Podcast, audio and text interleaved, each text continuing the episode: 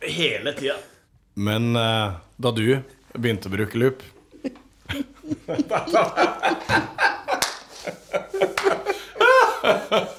Gi denne, gi denne mannen en bar, barkrakk. Ja. Kan du ta til litt nærmere òg? Ja. For dette her har jeg opplevd så mange ganger. Sorry. Men, Ja. men jeg hadde starta å spille solo, så hadde jeg en sånn trommestol som sank. Sånn at jeg etter hvert ble sittende liksom, liksom er- Ikke duknakka, men du sitter og spiller opp. Ja. og blei mindre og mindre. Ja. Og det blei så komishow. Og det, det var sånn at jeg, jeg tjente masse på det. Fordi at folk eh, lo seg skakka av han her stakkaren som, som måtte skru opp og så skru til den der stolen, og så sank han på neste låt. Så, så det blei en slags eh, gratis slapstick-effekt. Så jeg tok alltid med meg den trommestolen. Fordi at jeg kunne alltid flyte på det. ting, ting som- gærent som skjer. Ja, det er godt. Det er fin trøst. 120 desibel. Ja da. Slike situasjoner kan også oppstå når uh, mikrofonstativene nekter å samarbeide og stadig siger nedover uh, under intervjuet. Heldigvis så var uh, dagens gjest av det særdeles positive og hjelpsomme slaget. Jeg dro ned til eh, Scandic Maritim i Haugesund for å møte mannen som eh, først slo gjennom med Span tidlig på 2000-tallet. Etter det så har han servert oss R&B og soul på album etter album, høsta lovord og gode kritikker i både inn- og utland, og vunnet Spellemannpriser. Dagens gjest er Bernhoft. You look alive, you look alive, you look like be alive, you be like raindrops, raindrops. You look alike, you look alike, you look like flowers on a sunny day. You be alive.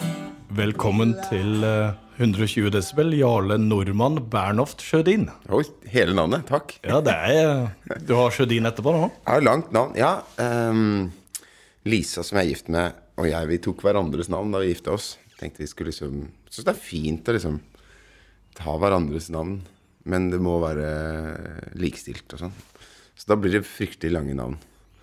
Få se åssen sønnene våre etablerer dette hvis de skal gifte seg. Det blir kjempelange navn. Men eh, vi får se. Har du fått en god frokost? Ja, det var kjempebra. Veldig, veldig proteinrik og fettrik og alt. Du er jo på hotellet som ble, fikk, eh, ble kåra til Rogalands beste frokost forrige gang. Ja. Så da er det viktig å få i seg nok mat. Jeg har ikke sammenligningsgrunnlag nok til å vite om det stemmer, men det, det var i høyeste grad advokat frokost. Men du, du er ute og spiller nå. Mm. Jeg så deg i går her i Haugesund på Høvleriet. Hvordan er det å være ute på veien igjen? Det, er- nå begynner jeg å venne meg til det. Altså Forrige helg var første helga på kjempelenge, og det var veldig uvant.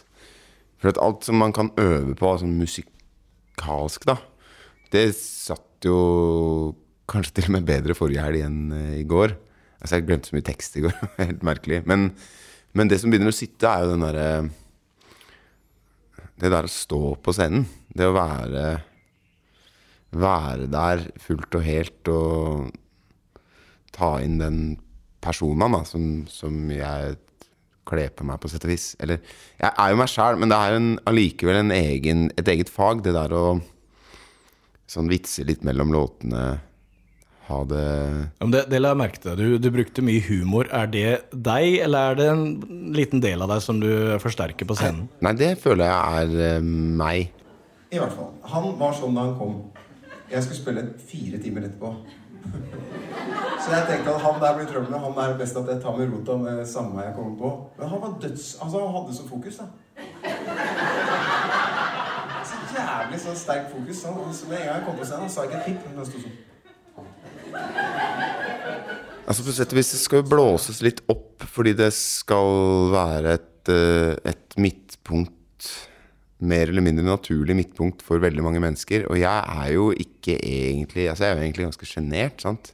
Jeg føler at jeg er trygg i, i blant de jeg kjenner godt. Og i en én-til-én-setting så, så føler jeg at der er jeg er, Der er jeg ekstremt godt trent. Men Men det å skulle stå foran Jeg vet ikke hvor mange mennesker det var, kanskje det var 50 til 100 jeg- Ja, 100 i går var Ja. utsolgt. Ja. så, så er det likevel en annen Altså Det blir en liten sånn modulering av det. Du må på en måte krydre, krydre retten annerledes. For, altså det er ikke sånn det er hardt på fly. At du må, du, må, du må ha en litt annen smakssammensetning fordi at trykket i kabinen gjør at det, smakssansene blir annerledes. Ja, ja, ja, ja. Det er litt akkurat Det er, det er sånn. Du måtte forberede maten annerledes fordi at trykket er høyere. Nå, men nå når det, når det har vært så Jeg kan si isolert, men i hvert fall det har vært koronatid og sånne ting. Ja. Har det vært annerledes å gå på den scenen nå? Du sier du er litt beskjeden. Hva, hva skjer når du kommer på scenen da? Slipper det tak? Altså, hvordan er det nå kontra når du har kjørt eh, 30 konserter på rad? da? Ja, er det, det er friskere nå, men det er også mye mer sårbart. For jeg er ikke helt sikker på Altså Når jeg har kjørt eh, 30 giger, så veit jeg at halsen holder uansett. Jeg kan, jeg kan utsette den for de, de merkeligste øvelser, og den bare, det blir som stemmebånda blir en lær. Da. Og sånn er det ikke nå. Nå er det mye mer eh, labilt, er et ord som er fint. Ja, det er et veldig fint ord. Men, men tør, tør du å Altså, kan du improvisere i like stor grad eh, i starten av en turné som eh, midt inni en? Jeg føler, føler det nesten lettere. Ja. Men jeg er ikke helt sikker på om jeg lander på beina. da ja, det syns jeg du gjorde. Ja, jeg, klar, jeg følte jeg klarte det i går. Jeg har en melding fra systemet fungerende. At korsang er veldig farlig. Det må vi unngå for enhver pris. Men samhandling, det er viktig. Så jeg vil nå foreslå istedenfor allsang at vi bedriver noe annet som heter allknips.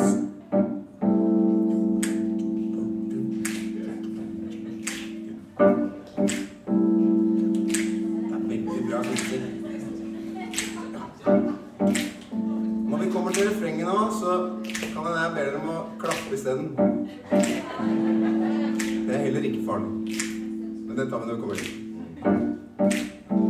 Haven't said a thing or two about the visions running awkwardly.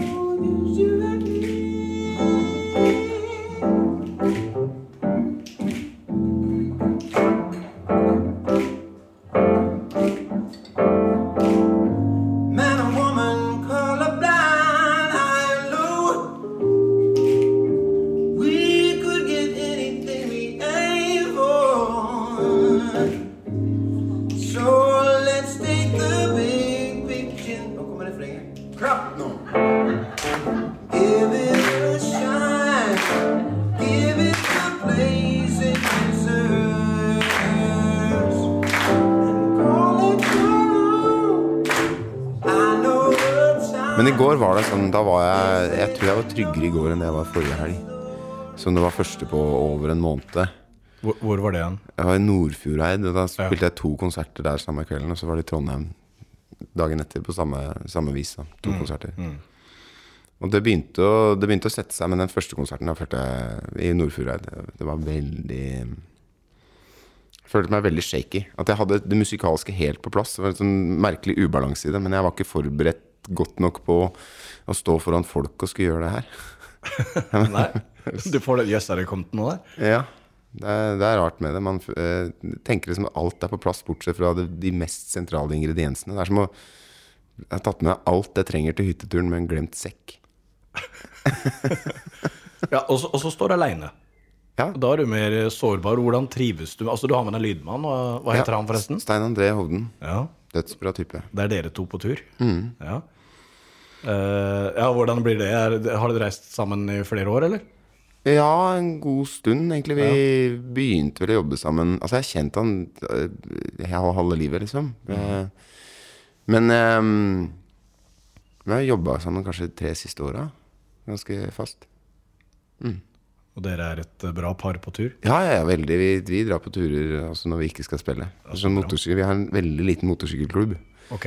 Ja. Eh, Hva kjører du, da? Ja, Vi kjører begge sånn Honda CB 500, sånn 70-tallssykkel. Gammel, gammel gode en? Ja, ja, ja. Som må lirkes i gang når det er kaldt. Dvs. Si under 15 grader, så må vi bruke sjåk og Så, så da, da drar vi på turer. Jeg kan spørre hvor gammel du var da du kjøpte den? Nei, det var, det var 40-årskrise Ja, de luxe. Var det det? Ja, ja, ja. Nei, men det, det handler jo om litt mer enn det. Så jeg har hatt lyst på sykkel kjempelenge, men jeg hadde aldri hatt tid til å ta den lappen. Og så, mm, og så fikk jeg en sånn smell for tre år siden. Så ja, på denne tida så var, begynte jeg å komme meg litt igjen. Men det var ordentlig sånn utbrent greie. da. Så da, da var det bare Satt jeg bare og løste kryssord egentlig i slåbrok i en måned. Og så tenkte jeg at nå må jeg snu dette til noe positivt. Så tok jeg, da tok jeg den lappen. da det som jeg har hatt lyst på siden jeg var 25. Liksom. Men um, så solgte jeg en gitar og kjøpte sykkel. Ærlig. Men tilbake igjen til scenen. Du er aleine. Ja, det var det. Mm. Hva, hva er fordelene med å være aleine på scenen?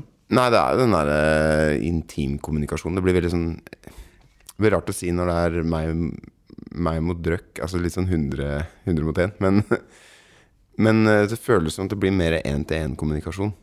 Jeg tenkte at det, det er jo en sånn dis, Hva er det de sier i teaterverdenen, den der femte veggen? Altså Ja.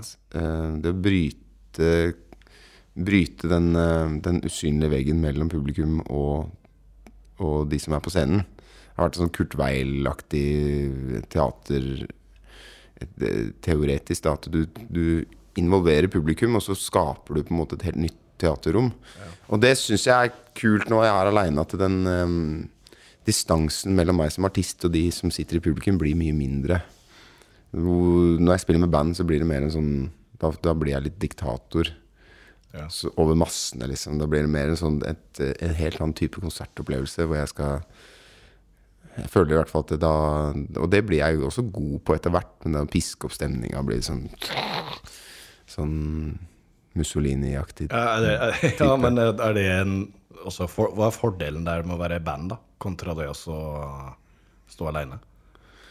Nå sa du litt om For meg så handler det jo litt om makt, da. Altså det, det, det kan jo vri om huet på en enhver eh, Bare snakk med Tenk på Bono i, i U2. Den derre Den rusen det er å Altså hvor skrudd man blir i huet av å stå foran 50 000 mennesker. Og jeg er ikke på det nivået i det hele tatt, men jeg kan merke det. Altså et rom med 1000, da, som spiller på Rockefeller f.eks. med band. Hvor fort lander du etterpå da? Det kan fort ta lang tid, altså. Og kanskje jeg ikke lander i det hele tatt eh, hvis jeg ikke satser hardt på landinga. Uh, satser hardt på landinga blir feil ord, men hvis jeg ikke gjør Jeg har lært meg en sånn øvelse, en pusteøvelser, for å komme litt ned i, i vater. Ja, Og det, det er smart å gjøre. Som bare legge seg flatt ned etter at jeg kommer av scenen. Og, For å sove etter en konsert? Altså etter et sånt kick? ja. Men det kan ta lang tid. Ja, det er det jeg tenker på. Altså, det var endorfinene som bare surrer rundt. Ja, jeg husker vi spilte på Øya med Span for mange år siden. Da det lå i Middelalderparken. Og da bodde jeg liksom Jeg bodde ganske langt unna, men jeg gikk hjem etter gigen. Og det var e- ekstremt viktig for å lande etter den, det kicket der, da. Um, Men, men, men du, du sier det at eh, du, du liker den én-til-én-følelsen når du er aleine. ja. Men en del av låtene dine òg er jo veldig personlige. Altså det, det, det er en samtale der òg. Hvordan, hvordan er det å framføre ja, så personlige tekster da når du står så naken på scenen? Det er noe jeg må venne meg til. Jeg husker første gang jeg gjorde det. fort, fortsatt? Ja, det, men det, det handler litt om den derre Det handler litt om det vi snakka om tidligere, at når jeg ikke har gjort det på en stund, så er jeg liksom ikke helt vant til um, Til settingen. Men jeg husker første gang Altså, jeg gjorde et valg på dette her for to år siden, kanskje. At uh, det, der, det store produksjonsgreiene og kjempelyssetting og sånne ting, det blir nesten sånn at det blir umulig å konkurrere med Carpe Diem på det allikevel. Jeg- Så jeg var på konsert med de på, på Spektrum, som var en skjellsettende opplevelse. Var dødsfett. Men jeg tenkte litt i etterkant at det, det, det, det nivået de har på produksjonen, den er bare helt ufattelig svær. Og tror ikke jeg klarer å konkurrere med det, med det apparatet der, egentlig. Så, så hvis jeg prøver å snu litt på det, altså spille til mine styrker istedenfor, så er det ta det helt andre veien, liksom. Helt, eh, helt ned. Jeg tenker at uh, du kan flyte på flesket, for å si det. Jeg sier ikke at Carpe Diem gjør det, men du kan på sett og vis slippe unna med en, en middels musikalsk performance, liksom. Hvis du har et lysshow som er bare helt ut vinduet bra. Og jeg syns jo det er litt eh, Jeg syns det er ganske mange som, som nesten klatrer over hverandre for å få det beste lysshowet. Og det syns jeg er fett å se sånne ting når det er gjennomtenkt. Men jeg tenker at eh, musikken min kanskje ikke handler om akkurat det. da Sånn at jeg tenkte Hva hvis jeg gjør noe helt annerledes? Og tar det ned og spiller uten mikrofon, uten høyttalere, uten noe som helst. Det er bare, det er bare meg der, da. Så får vi se hvor, hvor, hvor sterke de låtene jeg har, er. Er dette litt av grunnen til at du nå ikke bruker så mye loop? I går var det vel én låt. Ja, ja. Du ville litt bort fra dette igjen, eller? ja det er egentlig Det har jeg tenkt på en, en god stund, egentlig. At jeg blei bare merka at jeg blei litt sånn Lei er vel ikke ordet, men jeg følte ikke at jeg klarte å utvikle det noe mer, da. At jeg ble, At jeg begynte å gjenta meg sjæl, det syns jeg var litt sånn tenke, tenke litt annerledes. Og så blir det en krykke også, etter hvert. sant? Ja. Jeg leste, eller enten leste eller hørte en gang at du, eh, du var på tysk TV eh, med dette Ja, ja, ja. her. Og ja, du kan jo fortelle det sjøl, egentlig, for du, du kom tilbake igjen. Eh, Og, ja, Men de skulle gjøre akkurat det samme. ja, hva, hva, hva gjorde du da? og sånne ting. Og det, så blei det som det, du, du innser at du gjorde akkurat det samme forrige gang jeg var her. Og så sa de bare ja, but it's so good television, ja. Men, men det henger jo sammen med det du sier, altså at effektene tar overhånd der òg, sjøl om det var det som løft, det løfta jo deg en periode veldig sånn, som ø, artist. Og jeg, Å ja, ja, ja. Og jeg tror jo litt på det at enhver en, forse, kan du si, som du har, kan bli din svøpe, på sett og vis. Altså ikke for å sammenligne i det hele tatt, men det, dette har skjedd med Henriks også. Han hadde jo ikke Han hadde jo liksom Han følte jo at uh, gitaren nesten blei skygga over for de andre tingene som han også var Som han følte var viktig, da. Og det tenker jeg også liksom på det der loop-systemet mitt, at det er jo bare et instrument for å formidle noe annet. Jeg skjønner også at det kan være gøy for folk å se på jongleringskunster, på sett og vis, men, men det, det handla liksom ikke helt om det for meg, da. Men øh, Så jeg tror det var bare fint for meg at man må ta den tyren der ved hornene, for du kan fort bli en slave av din egen suksess. Og det hadde ikke jeg lyst til å Jeg hadde ikke lyst til å bli det. da. Jeg hadde lyst til å, å, å tenke først og fremst musikk og minst mulig triks. ja, men Betyr det at du hele tida er litt på søken? At du er utforskende? Ja, det vil jeg si. Jeg er ikke, og jeg er ikke sånn grenseløst utålmodig. Det er ikke sånn at jeg ikke vil spille de låtene jeg har skrevet allerede. Jeg er ikke redd for mine egne hits, høres snålt ut, men jeg, jeg, Ja, du har jo noen hits. ja. Ja. Men jeg, jeg tenker at jeg, jeg, jeg er ikke sånn at jeg ikke vil spille de. Ehm, det er noen som skygger sine, skyr sine egne hits som, som pesten. Sant? Og jeg syns det er det, blir, det, det er i hvert fall ikke meg, da. Men, men, men altså, tenker du gjennom det? Altså, det er bare ta Angus Young, da. For mange, for mange år siden så ble han intervjua, og i Kerrang så sa de at uh, du, nå har dere, gitt, dere har gitt ut tolv helt like plater. Nei da, nå har vi gitt ut 13. Eh, så, svarte han. Men, men eh,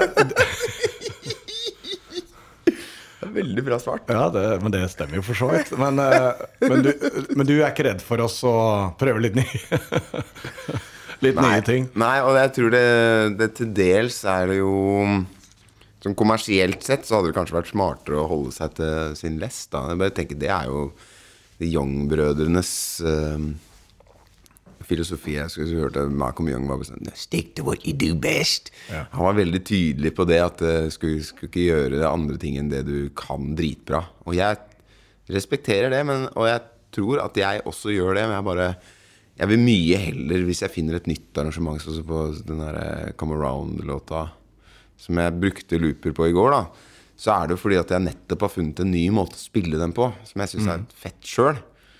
Jeg veit at publikum ikke er like lei av måter jeg har spilt låter på hver eneste kveld siden tidenes morgen, liksom. Men jeg, jeg, tror det fortsatt er viktig å Og så, og så hørte jeg på den. Du legger inn litt uh, Litt annerledes Ikke, ikke de standardakkordene alltid.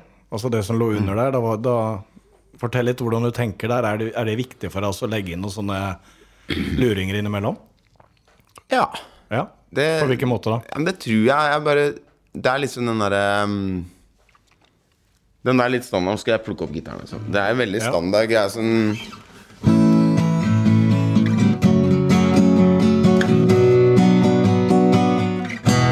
Det syns jeg er dritkjedelig. Ja. Så hvis jeg skal lage noe sånt, så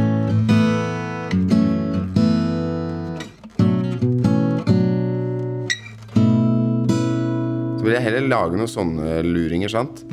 Og på Come Around så er det jo dritmye den, Jeg har jo erstatta det som er virkelig freskt sånn kordfaglig, med noe ganske standard. Ja. Men så må jeg legge noe sånn ja, men jeg hørte at det du la under der, var jo uh, det, Ja. det som lå under der. På, Ja. på, I loopen. Ja. Ja. Men det handler egentlig bare om mest mulig åpenhet. Altså Hvis Ja. jeg legger noe som er veldig tydelig akkordbasert i den loopen, så, så blir det ikke noe frihet til å bevege seg oppå Nei, det. det overskygger det, det Ja. andre du skal gjøre. Så det er smart hvis du skal legge noen sånne tepper av eh, Noen klangtepper og sånne ting som du skal forholde deg til, så må, det, så må det passe i mange forskjellige sånne modi. Ja. Så det er egentlig det som er viktigst for meg da når jeg bygger sånne ting. At det skal fungere både i vers og, og refreng og alle delene. Så, så det du legger oppå, på en måte styrer det litt, da.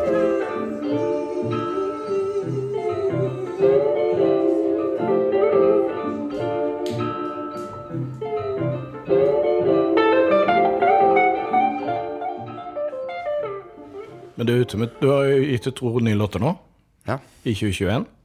Et nytt plateselskap òg. Ja nytt, ny lisensavdeling. altså, Jeg har et eget lite plateselskap som jeg gir ut eh, skivene mine på. Ja. Så, Og så- er det via Sony som ja. Ja. Så, men hvordan har mottakelsen vært på uh, de to nye som har kommet til 2021? ja, veldig bra foreløpig. Ja. Jeg tenker, jeg er ikke sikker på hva jeg skal sammenligne det med. Fordi at eh, altså streamingtall og sånne ting Jeg, har ikke, jeg veit ikke om streamingtallene er bra. Eller, altså Det var jo mye bedre enn forrige gang jeg ga ut noe musikk, men, men da var det jo kanskje ikke så mye streaming heller. Sant? Så det er, det er en sånn utvikling som jeg ikke helt klarer å følge med på. Men det jeg veit, er liksom, spilt, eh, den første låta ble spilt ganske mye på radio. Egentlig så mye at det, den fortsatt blir spilt da jeg slapp den andre låta. ja og det, er- det er. Clearly Confused som er den andre. Det er den siste, ja. Ja, og den- My Loving først. Den har du ikke skrevet aleine. Nei, Hvordan er det? Altså noe samarbeid der? det er, eh, det er jeg for så vidt vant med. Jeg har jo jobba sammen med andre låtskrivere hele tida, egentlig. Ja. Hvordan ble den låta til, da? Clearly Confused var eh, Det var egentlig noen akkorder som en fyr som het Christian Wiik kom med. eh, som jeg syntes var dritfine, da. Og så Og så gikk den låta via Dag Holtan Hartvig og Halve Folstad, som, som jeg har skrevet også All My Loving sammen med. Og det har vært, en del, vært involvert i ganske mange låter på den skiva, egentlig. Og de hørte de akkordene, og så begynte Tror jeg Dag begynte å synge på på det der refrenget og hadde Clearly Confused som en sånn, sånn hookline. Da. Og så tenkte han på meg. og det passa bra på meg, for han mente at jeg var en som er tydelig, men som er all over the place. Liksom. Altså Musikalsk så er jeg sånn jeg, jeg tror ikke Hvis du tar sammenligner med Angus Young igjen, da, så har hans uttrykte musikalske output er veldig det, du, du hører veldig tydelig at det er han. Det er jeg ikke sikker på om jeg gjør med meg.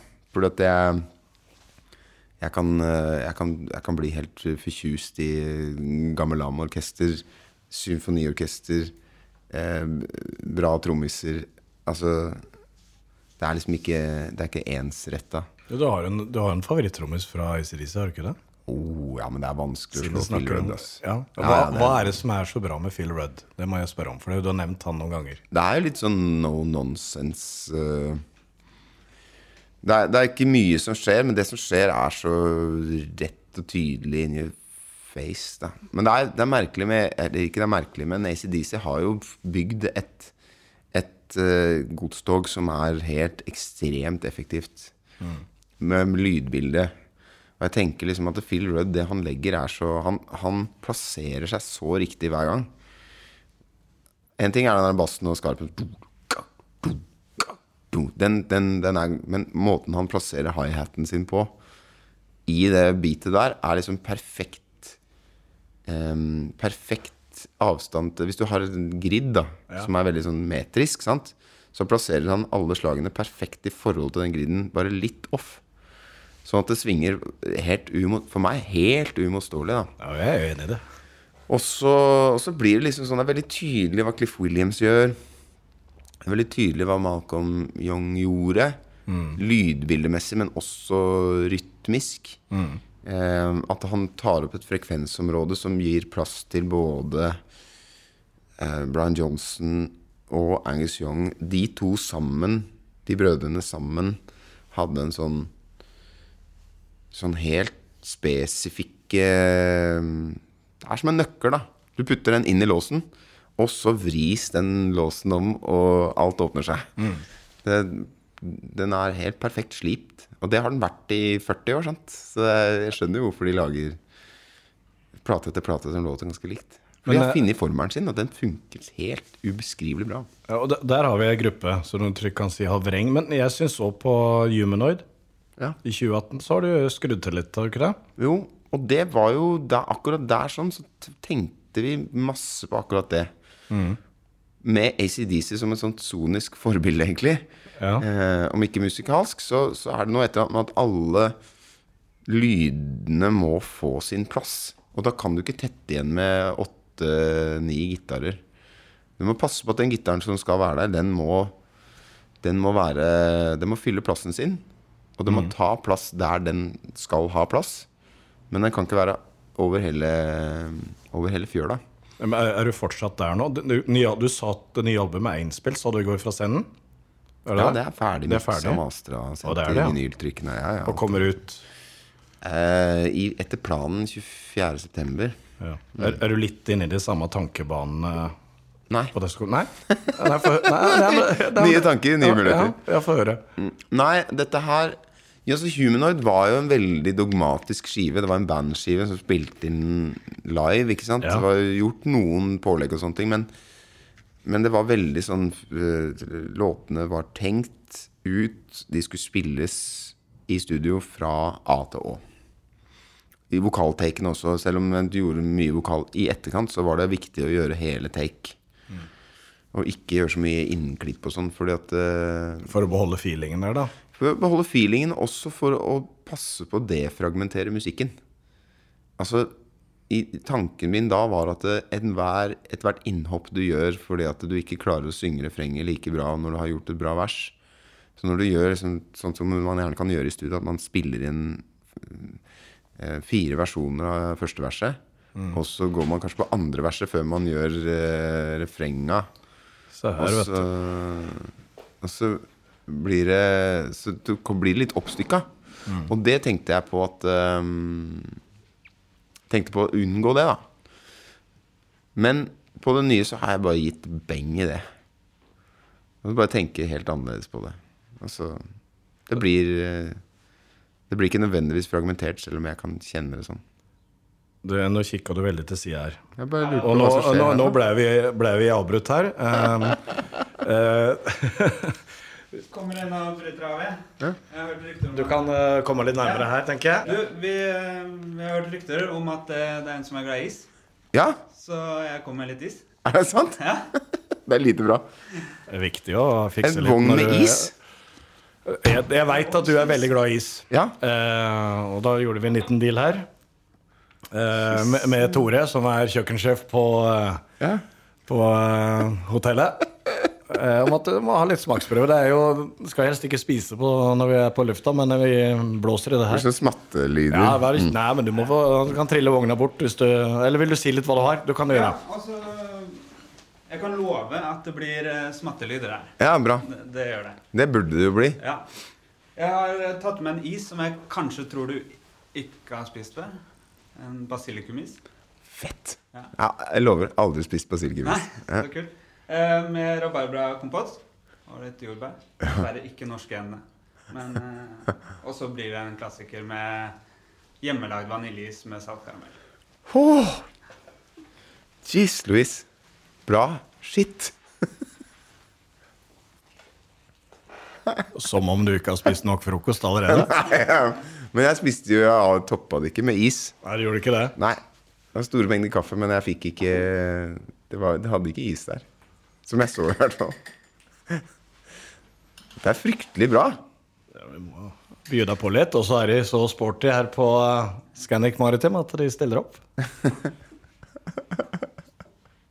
Skal vi se det du Nå er det, nå er det litt eh, dandering og litt sauser og litt forskjellig her. Sauser, det er rabarbrakompott. Ok. Og det første, første han får her nå, er Det nå er eh, basilikumisen. basilikumis, du. Dette hadde jeg ikke forventa. Det er veldig It's a first. Jeg klarer ikke å si så mye Jeg hvis det står helt. Nei, men du må bare følge med på. Nå er det, er mye som skjer oppe på trallet her nå. Det, er, det legges fint på plass og greier òg. Er det, er det basi, litt basilikum på toppen, da, kanskje? Eller? Nei, det er eh, oxalis. Som er sånne oksyreblader. Ja. Det er da Tore Stansberg som står og danderer her nå. Burde fulgt med mer i botanikk. eh. Ja, men du følger med på mye annet. Jo, jo, men botanikk er ikke eh, for nei, det er- botanikk, Men uh, du er historieinteressert, så nå kan du lese deg opp på isens historie. Tusen Ja, takk. vær så god. My God! Å ja, det er til meg òg, ja. Ja, ja, ja. Så nå skal jeg si noe vettugt om, om smaken. da Passe på hva du sier nå. Og det var kjempekick. Det var veldig, veldig godt. Det er jo litt morsom smak, da. Ja, den er, den er far off noe jeg har eh, Det var knallgodt.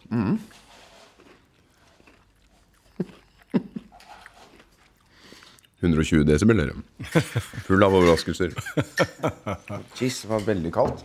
Men nei, på den nye skiva så Jeg ga liksom litt sånn gabeng, eller Prøvde å frigjøre meg Det er fint å ha noen sånne dogmer som man har som rettesnor.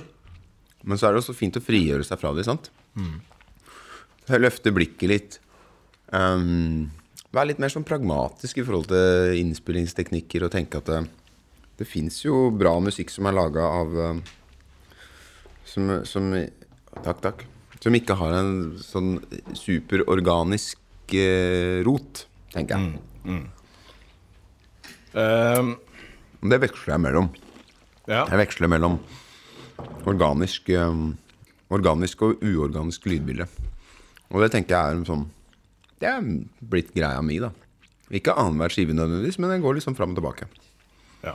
på det. Og da er vi tilbake igjen med Ja, spiller du flere du, Altså, du blir omtalt som en uh, multiinstrumentalist. Ja, Hva, eh, hva, hva fikk du nå? Tusen hjertelig takk. Jeg kan si hva det siste er. Kan du komme veldig nærme? Kom enda nærmere. Da ble det vaniljeis med salt karamell. Da har vi fått både basilikumis og vaniljeis. Yes. Fantastisk, fantastisk service. Uh, detter ut her, vet du. Eh, ja, på den nye plata spiller du og du- Det er gitar og, og ja, piano på scenen, men hva spiller du mer på den nye plata? Som regel, da. Du spiller som regel bass sjøl. Bare fordi jeg syns det er fett å spille bass. Eh, Hva føler du at du behersker best per nå? Nei, det er jo gitar som jeg kan. Ja. Alt annet faker jeg, faker jeg meg til, liksom.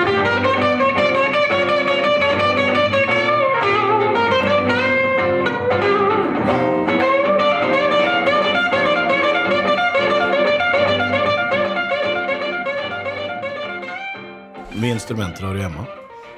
Nei, det blir en del, men det er um, Det står som et stueorgel i stua. Ja, det er det Som blir brukt mer av kidsa mine enn av meg, egentlig. Men det er eh, Så er det en cello, en fiolin, og det er masse gitarer og Jeg har et studio i garasjen. Men også ganske sånn Det er, det er gitartungt, da.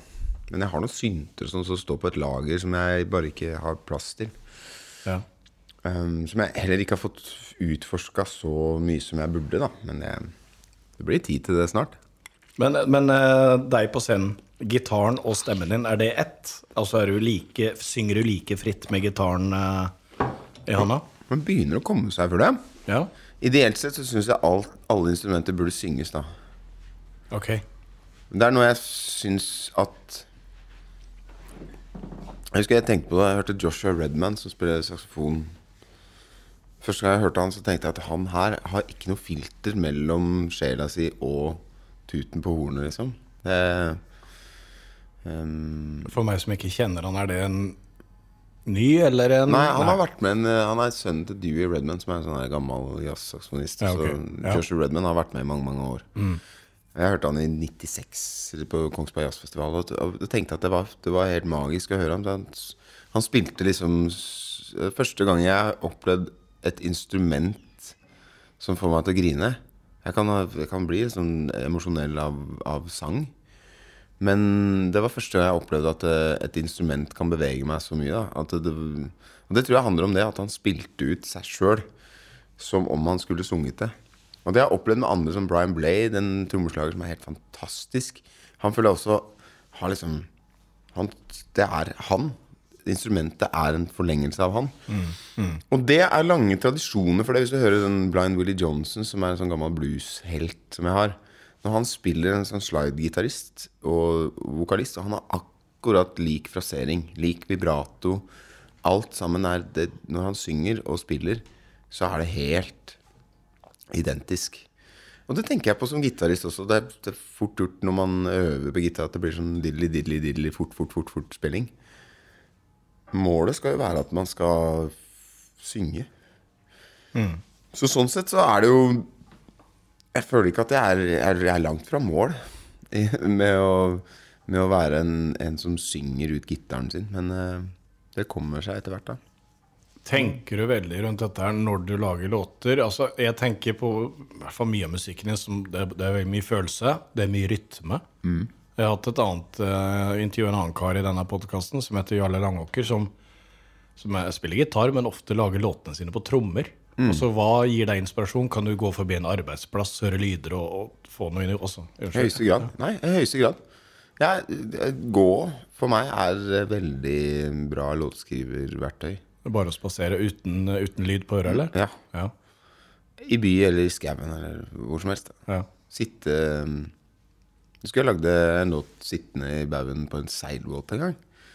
Men bare sånn det å være i bevegelse er jo en sånn sentralt uh, tema i mye historiefortelling. Er jo en sånn reiseskildring, sant. Hva, hva gjør du for å ikke glemme dem, da? Klar, har, du, har du alltid hatt en opptaker med deg? Det er ikke alltid du har det, kanskje? Nå har du Mm, telefonen, da, men Ja, nå har jeg telefonen, Den, ja. men det kan bli en krykke noen ganger. Så jeg tenker litt sånn at hvis du Hvis jeg går og nynner på noen greier, enten da Og det kan være helt tydelig, sånn som han eh, min navnebror Jarle hadde det, at du, du, du, du lager låtene i, et, i en rytmisk grei. Ja. At det er det, det sentrale. Og det, hvis jeg ikke husker det, så er det på en måte ikke sterkt nok, da. Er det ikke godt nok? Nei. Det er, hvis det er minneverdig for meg, så, så kan det hende at det har noe for seg. Har du et eksempel på ei låt eh, der det, det rytmen satt med en gang, og som, du, som blei det det blei til slutt? Ja, det, mm, Den første låta på Solidarity Breaks er jo egentlig en modulas modulasjon av en gammel rockabilly-låt som heter 20 Flight Rock. Og jeg Ja. spilte i et rockabillyband. Så spilte den som, som begynner sånn dunker, dunker, dunker, dunker, dunker, dunker. Og så tenkte jeg at hvis det, det riffet du, du, du, du, du, kan spille det. Det, er, ja. det går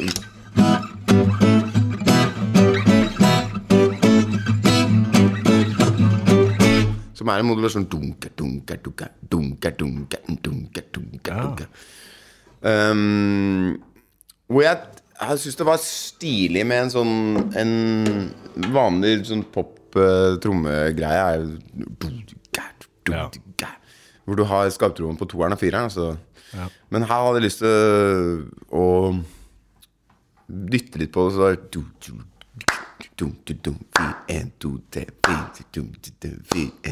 det.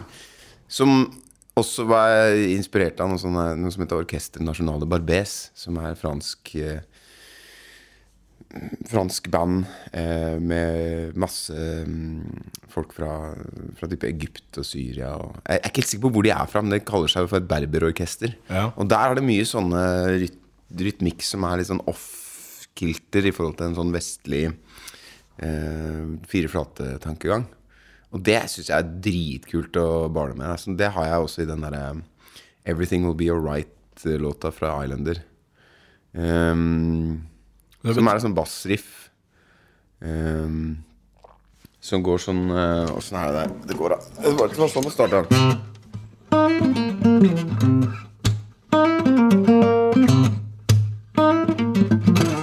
Sånn går det. Jeg klarer ikke å spille uten plekter, men det er i hvert fall um,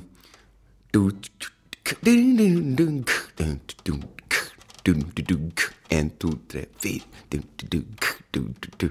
Og så blir den Nei, skarpen er på én.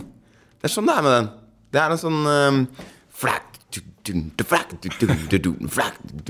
og det, det å ha skarpen på eneren er også en sånn litt snår ting. Men James Brown brukte det masse. Fela Kuti har brukt det. Det er bare å løfte blikket litt utenfor uh, the beaten path, path i forhold til rytmikk. Ja, er, er du flink til det? Det virker som du tar i deg mye musikk som uh, vanlig mann og dame i gata ikke hører på. Clearly confused, vet du. Det Ja, er det som er det, at jeg, jeg har liksom stor um, Men, te, men tenk, ja, hva tenker du på det hvis du skal lage en plate, da? Eh, og du har alle disse sanseinntrykka. Eh, skal du følge den stien, eller kan det være sprike veldig på samme plate? Gjør det, gjør det deg noe? Nei, det gjør meg ingenting. Men det jeg tror jo også at det, um, Og dette tror jeg kanskje Thomas Helland sa i denne podkasten. At du kan male med mye breiere pensel enn det du tenker at det er lov. Ja. Fordi at uh, kjernen av deg sjøl er veldig tydelig. Så jeg tenker når jeg synger, så er det jo Jeg har jo mange forskjellige stemmer som jeg kan uh, Som jeg kan bruke av. Men allikevel, det er veldig tydelig meg som synger disse låtene, og meg som skriver teksten. Og ja, Og det blir kanskje den røde tråden her. ja, det er det jeg tenker. For da kan du leke litt utenom. Ja. Men i tillegg til dette, da. Du samarbeider med veldig mange. Jeg Kan man nevne noen her? Altså, da har du eh, f.eks. Hanne Hukkelberg, Dadafon, Kristin Asbjørnsen. Hva gir det deg? Nei, det, Kristin har jo vært veldig, veldig viktig, da. Mm. På hvilken måte? Nei, øh, hun tok meg med til Mali, for eksempel. Introduserte meg for veldig mye afrikansk musikk som jeg fortsatt trekker veksler på. Jeg tror den, øh, den Spirituals-plata Jeg spilte i bandet hennes i mange, mange år. Og etter at Span var ferdig, og jeg øh, visste ikke helt hva jeg skulle holde på med Jeg gikk litt på universitetet og studerte litt og sånn. Tenkte jeg skulle bli voksen og få meg en jobb. Og og det den, den plata hennes med Spirituals var jo også viktig i forhold til å dykke ned i grunnlaget til den soulmusikken som på sett og vis har blitt eh, det jeg holder på med, da. Så det var eh, Også hun var den første jeg visste om som brukte sånne loop, eh, looper. Å ja. Så det var der du eh, Det var der første gang jeg så det. Og så var det også Eirik eh, som spiller, eh, spiller bass i Dadafon, som også brukte det veldig rytmisk. Lise, nei, um, Kristin la bare sånne soundscapes. Sånne løse um, atmosfæriske greier som hun sang oppå. Eirik brukte det rytmisk. Helt tydelig Han la en noen bassgreier, så spilte han noen greier oppå samtidig som, som Kenneth spilte trommene sine med- sammen med det, da. Em, Even, altså Magnet. Ja. var også ja. dritviktig i forhold til Jeg jeg så en konsert med han i Los Angeles hvor han satt bare og spilte lapstil oppå nesten sånn trone. Og la helt fantastisk svære lydbilder eh, ved hjelp av en loopmaskin. Eh, Men når det gjaldt deg, så har jeg hørt av en, eh, en du kjenner veldig godt, at du er en eh, ganske dårlig taper. Så du tar alt som en utfordring. Eh, og da tenker jeg, ja, men i forhold til at hvis du Hvordan var det da du satte deg for at du, du skulle, dette skulle du beherske? Han begynner på F, han vennen her, da. Eh, ja. Ja. Jeg vet ikke om dårlig taper er eh, Jo, jeg er nok det. Jeg er nok dårlig taper, men jeg er ekstremt uh, lite hypp på å la um, Å la det ligge. Og bare erkjenne at jeg ikke får til noe. Ja, det er Fridtjof Nilsen da, som, Ja, som kommer med denne den infoen her. ja, ja. Eh, men, eh, men det er nok sant. Altså, jeg lærer meg ting hvis jeg først får Hvis det er noen som kan noe og jeg syns det er stille, så har jeg lyst til å lære meg det sjæl. Så jeg tenkte jo på det da jeg, da jeg hørte um, um, Da jeg hørte Dadafon og Eirik gjorde de der eh, sine, så ble jeg helt sånn Det der er jo the shit, liksom. Eh, også en annen viktig fyr er Jostein Hansnes, som spilte gitar i Datafon, som hadde en, en gitar med to bassstrenger på.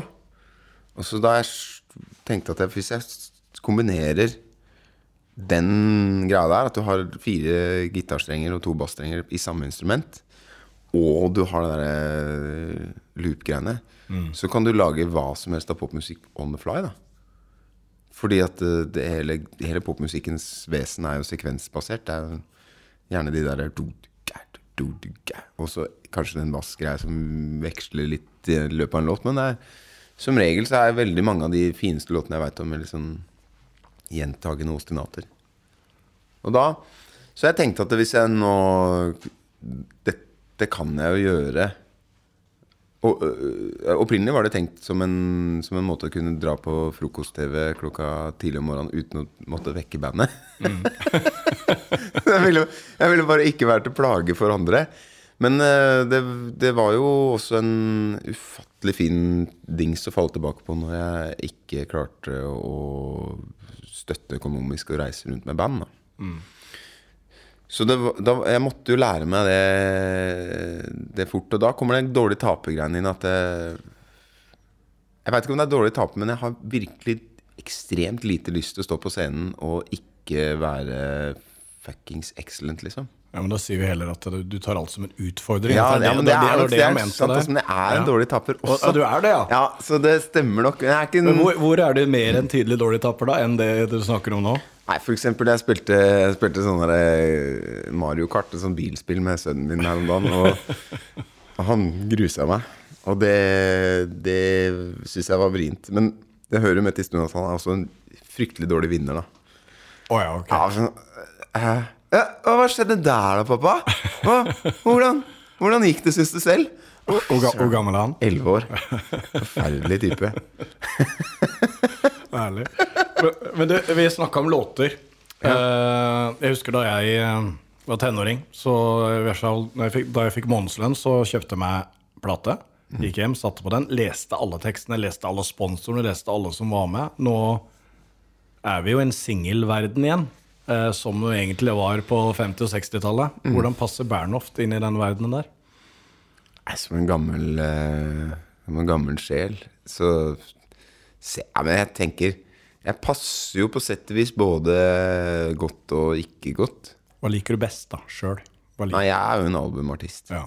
Og det er fordi Nei, bare fordi at jeg liker den større mm, Jeg liker liksom romaner bedre enn jeg liker dikt, da.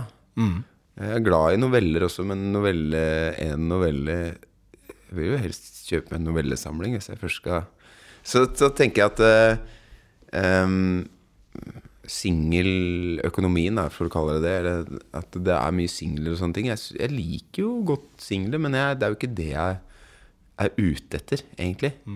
Jeg vil jo ha litt lengre Lengre historier å ta tak i.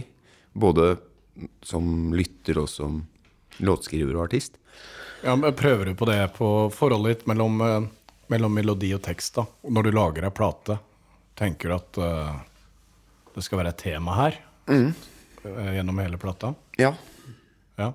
Det er litt det jeg gjør. Altså, vanligvis så er det mm, når en syklus er avslutta, sånn som nå, som jeg har laga den ferdig, den skiva, så blir det litt sånn øh, Prøve å resette huet litt. Kjøre litt motorsykkel, gå litt turer i skauen eller i byen.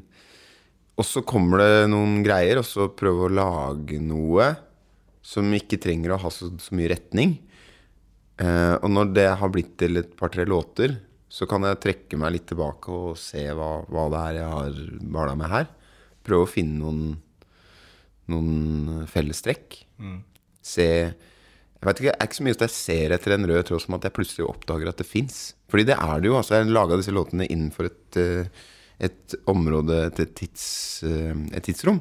Så blir det jo liksom at da skriver jeg om det som opptar meg. Og det har en tendens til å ha litt samme en sammenheng. Og da er det egentlig bare å fylle på.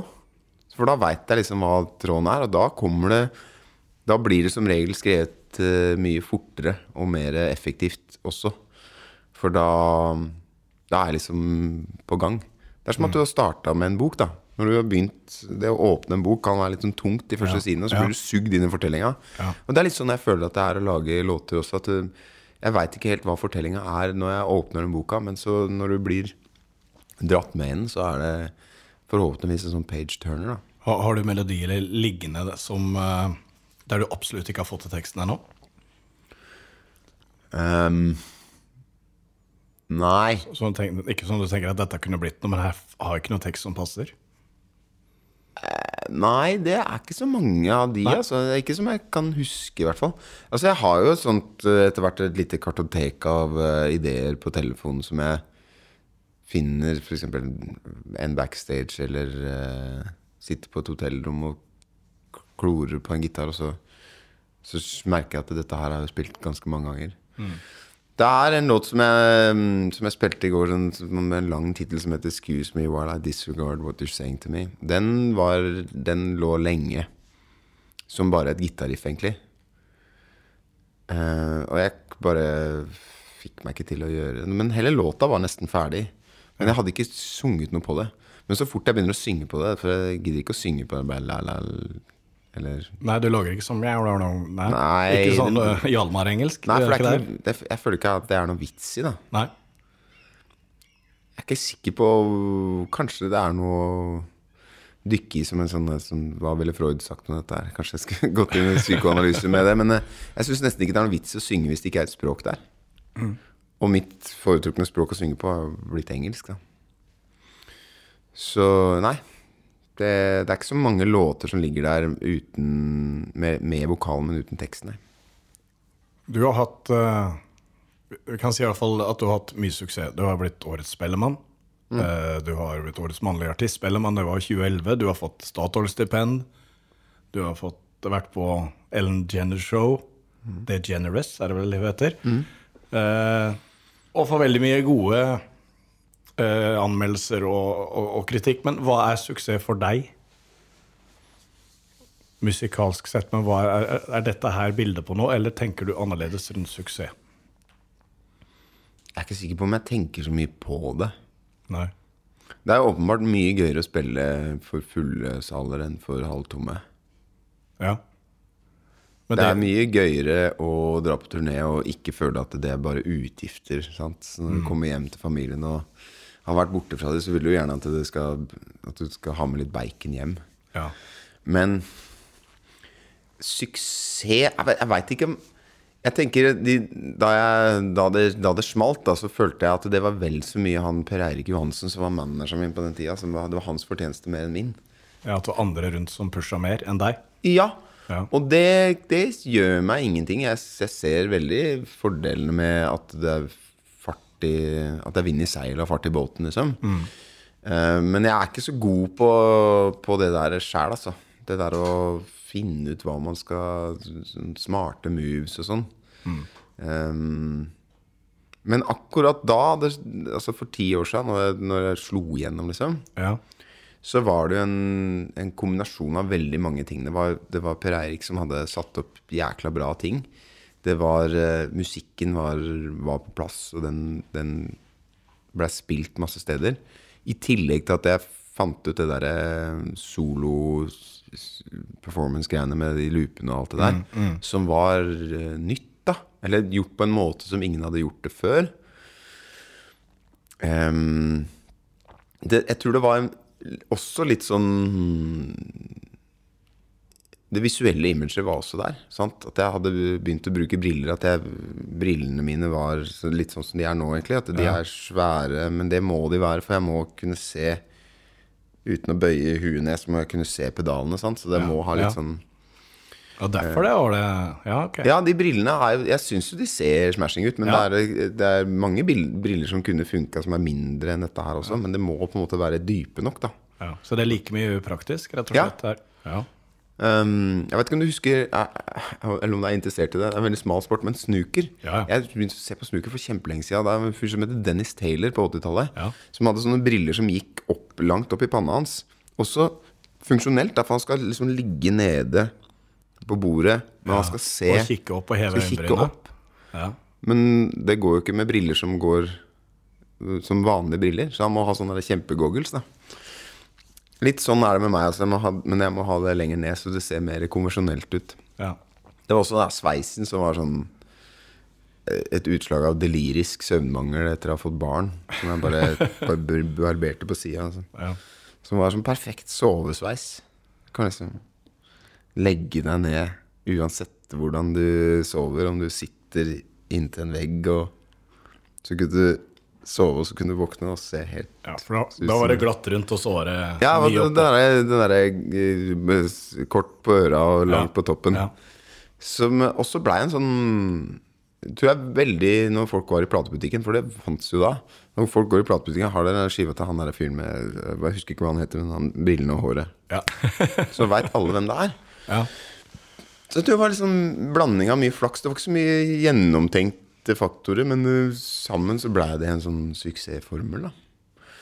Og det er jeg ikke så god til å tenke på. Men så døde jo han, og da, da, gikk, eh, da gikk lufta ut av ballongen ganske fort, altså. Det flyter jo fortsatt litt på det der eh, flesket der, men, eh, men det mm, det er vanskelig å si. Ja, jeg, det plager meg ikke at, det ikke at jeg ikke reiser eh, 250 døgn i året. Ja, men det, det kan vi snakke litt om, for du, du, jeg har lest at du tre uker er maks. Ja, jeg har egentlig sagt at to uker er maks, men det ja, kan strekke uker. seg til tre hvis, Ja. det, hvis det må. Og grunnen er Det er familie, da. Ja. Jeg har jo Jeg er gift, jeg har to barn og, som, Mm. jeg, som jeg liker. Jeg liker de alle tre. Veldig glad i dem, men jeg er liker de i tillegg, liksom. Um, og det Det merker jeg at begge gutta mine syns at det er liksom De fader ut. Etter to uker så, så syns de det er bare ikke noe vits med han todimensjonale FaceTime-pappaen. Og det, det tåler jeg ikke. Endra dette seg før du ble far, altså, eller var det det som endra? Altså, I forhold til hvor mange reisedøgn du tålte? Nei, nei, jeg kunne reise hvor mye som helst, jeg føler det. Ja. Og eh, altså gjerne sånn liggeunderlag eh, og gymsal og kummerlige forhold. Jeg elska det å være på tur. Og det kjenner jeg fortsatt en sånn Det å sette seg inn i en, eh, en, inn i en sånn nightliner-buss etter at du har spilt og kameratskap, og du begynner å kjøre, kikke ut, kjøre på natta, fortsatt helt magisk for meg. Så det Jeg tror at i meg sjæl så kan jeg nok reise til Jeg trenger ikke noe sted å bo. Sånn nomadisk sjel. Ja. Men, men eh, det var mye som endra seg da jeg fikk barn. Da, Samuel kom, så, så blei klikka masse ting på plass. Ja. Det, det er elleveåringen. Mm. Det er elleveåringen. Ja. Og så har du Benjamin, som er fire. ja. Så avbrøt jeg deg. Hva sa du klikka på plass, da? Nei, da, da Samuel kom, så klikka ting på plass. Så jeg hadde jo veldig lyst på barn siden jeg var 17 år. Så tok det jo 17 år til før jeg fikk barn. Men da, da, det, da han kom, så, så var det liksom Altså, du får jo mye mindre tid å rutte med. Så du må bruke den tida du har, bedre. Og det Solidarity Breaks blei på en måte skrevet med, i pappaperm, da. Nå får jeg kanskje Nav på nakken her nå. Jeg tror det går bra. men eh, det var, det var veldig mye sånn fine ting, sånn som å ha, ta han med i vogga som han sov i, og putte han oppi Putte han oppå pianoet, så spille. Og da kom det ut så mye ting. Og det blei bedre låter av det. Det blei eh, mer fokusert låtskriving. Og så kom jo hele suksessen i etterkant av det også. Så det er på sett og vis hans fortjeneste og skyld at, jeg, at det gikk så bra med meg, da, men også at jeg blei borte så mye. Ja. Gjesten anbefaler. Ja, Jarle, hva har du eh, tenkt på til denne spalten her? Jeg har eh, nettopp begynt på en, eh, en bok som jeg syns er helt eh, maceballs. Som, eh, som heter Girl, Woman, Other. Ok. ja. Av Eh, er det Bernardine Evaristo? Hun heter i hvert fall Evaristo. Jeg er ikke helt okay. sikker på fornavnet. Eh, Geraldine Bernard... Hvorfor er den så bra, da? Nei, det, det er liksom en, eh, en sånn multiperspektivfortelling fra et, eh, et multietnisk London og England. Som eh, Eller det begynner i London, men jeg tror det er fra Skottland og over hele er sånn eh, Altså bra menneskeportretter og kvinner av en kvinnelig forfatter som jeg jeg, jeg, synes bare, jeg har hørt et intervju med henne på BBC en gang, så jeg syns hun var så dritsmart, og hun skriver så fint. Det, er, det er veldig kult. Jeg tror den er en sånn, sånn prisbelønt roman fra kanskje to år gammel. Anbefales. Da eh, kupper jeg denne spalten her, og så spør jeg deg hvis du skulle hørt på et uh, rockeband, hva er ditt favorittrockeband da? Som du kunne satt på nå? Um, Mastodon. Det er Mastodon, ja. Ja. Alt de har gitt ut, eller? ja. For de har jo endra litt, uh, litt oh, ja, ja, ja, men jeg, jeg er bare med på alle. Jeg er med- med på alle med på alle? Mastodon-ting. Herlig. Men det svinger jo. Ja. Det er jævlig kult med metal som, som uh, får litt dansefot av. ja, det svinger. Mm. Soul R&B-artist, da? Um, nei, altså jeg har veldig kick på Leon Ware. Og Det er en litt sånn eldre garde. Som, som mm, pianist, låtskriver, som var veldig involvert i, i Motown. Eh, så den eh, Musical Massage, som er eh, en skive jeg har hørt mye på Det tror jeg er gitt ut på Berry Gordy sin egen sidelabel. Men i hvert fall den, det, det er jo helt magic. Og så syns jeg jo, for å ta det litt nyere, en The Lucky Day, som kom med en skive som het Painted for et par år siden. Okay. Dritbra. Hele veien igjennom. Lucky Day? Lucky Day. Daie. Kan du høre på innafor den? Ja, da blir det kanskje litt inn i bluesland òg, men Vintage Trouble, har du hørt noe på det? Eh, Lite grann. Jeg var på konsert med de en gang i Når var det? ja? Tre-fire år siden. Ja. Veldig lite mennesker. Ja, det var helt eh, outstanding performance. da Men jeg, jeg har ikke hørt på en skive med det, så jeg aner ikke om det er Nei, jeg så dem her i, i Skånevik. Det var jo bluesfestival. De ble blåst av banen. Ja, Eh, vanvittig vokalist. ja fy søren, han er ganske bra. Favorittema å diskutere? Ehm, nei, det, det er ganske vidtfavnende, altså. Jeg tror jo sånn Altså, politikk diskuteres mye.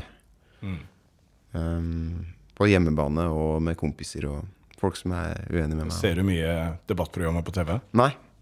Debattprogram på TV syns jeg ofte er ekstremt lite opplysende og bare konfliktskapende. Det, det, det, altså debatten på NRK syns jeg generelt er veldig frustrerende. For jeg føler ikke at jeg får noe ut av det. Jeg vil mye heller lese lange kronikker. 120 desibel. Du er eh, oppvokst i Nittedal. Hvordan var eh, det? Nei, det var fint, det, altså. En trygg eh, Det er trygt, fint, beskytta sånn uh, Landlig, men nærme Oslo. Um, så var det jo mye Så jeg spilte både fotball og håndball og var med ja. teater og korps. Kor. Alt dette. Ja, du, har, du har vært med i Sølvgutten nå, ikke det? Jo, en liten stund, men jeg trivdes ikke noe særlig godt der. Det var eh, Fikk sånn uh, vestkantgutt-aversjon. Med, fotball og håndball, da? Hvilken posisjon var du der? Nei, jeg var keeper. Både fotball og håndball? Ja, ja. Hvor lenge holdt du på med det? Gode reflekser. Eh, det var eh, Ja, det, håndball jeg ga meg kanskje da jeg var sånn 14 Det blei bare mye musikk, da. Det blei jo eh, når, det, når det begynte å ta med gitar, så blei det bare Det fortrengte alt annet, egentlig. Ja. Som en uh, uh, Ja. Var, eh, jeg, spilte, tror jeg, spil, jeg spilte litt ute også i uh, Men jeg var, noe, jeg var ikke noe god på det. Det var, det var keeper jeg var best på. Det liker vi. Ja, ja du er keeper, ja. Sant? Jeg var i hvert fall. Ja. En gang Nei, en gang keeper, alltid keeper. Ja, det, det, er, helt- det er helt sant. Men, men du har fars operasanger, mor som er musikklærer. Ja.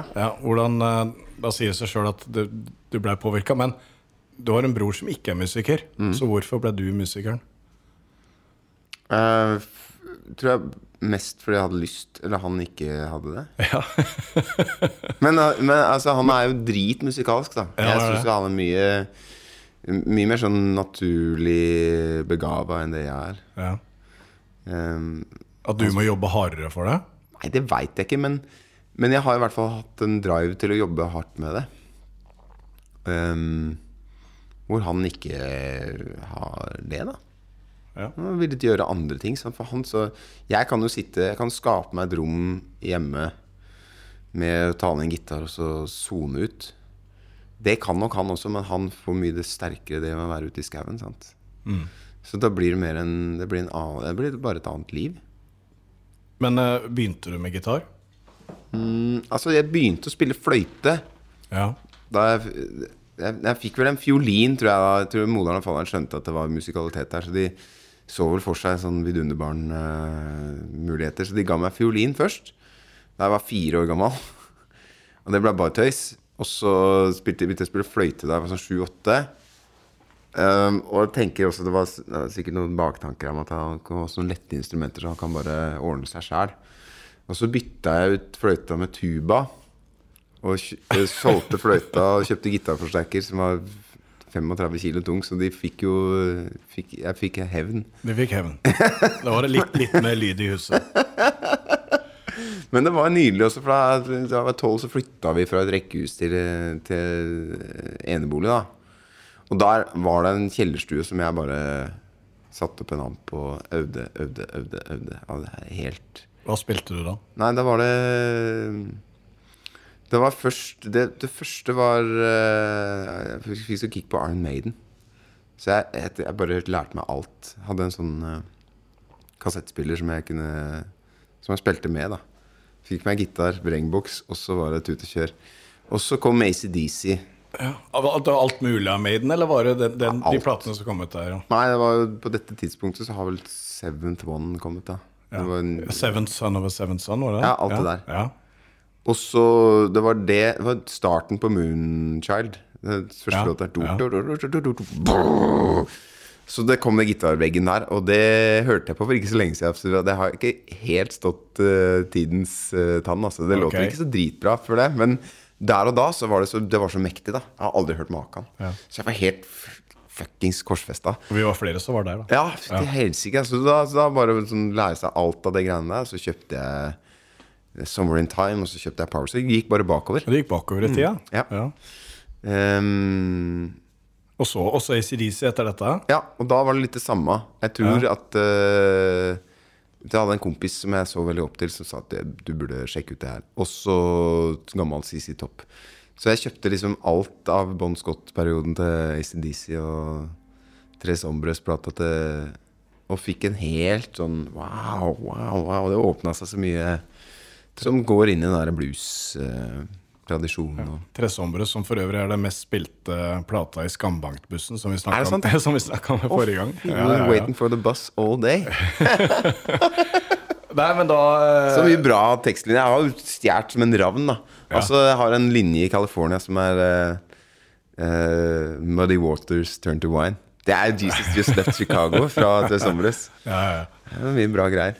ja, men, men videre derfra, da var Da er du i ungdomsskolealder, du, da, når du spiller dette her. Ja. Og så er det videre til, til Rud videregående. ja, da måtte jeg flytte hjemmefra.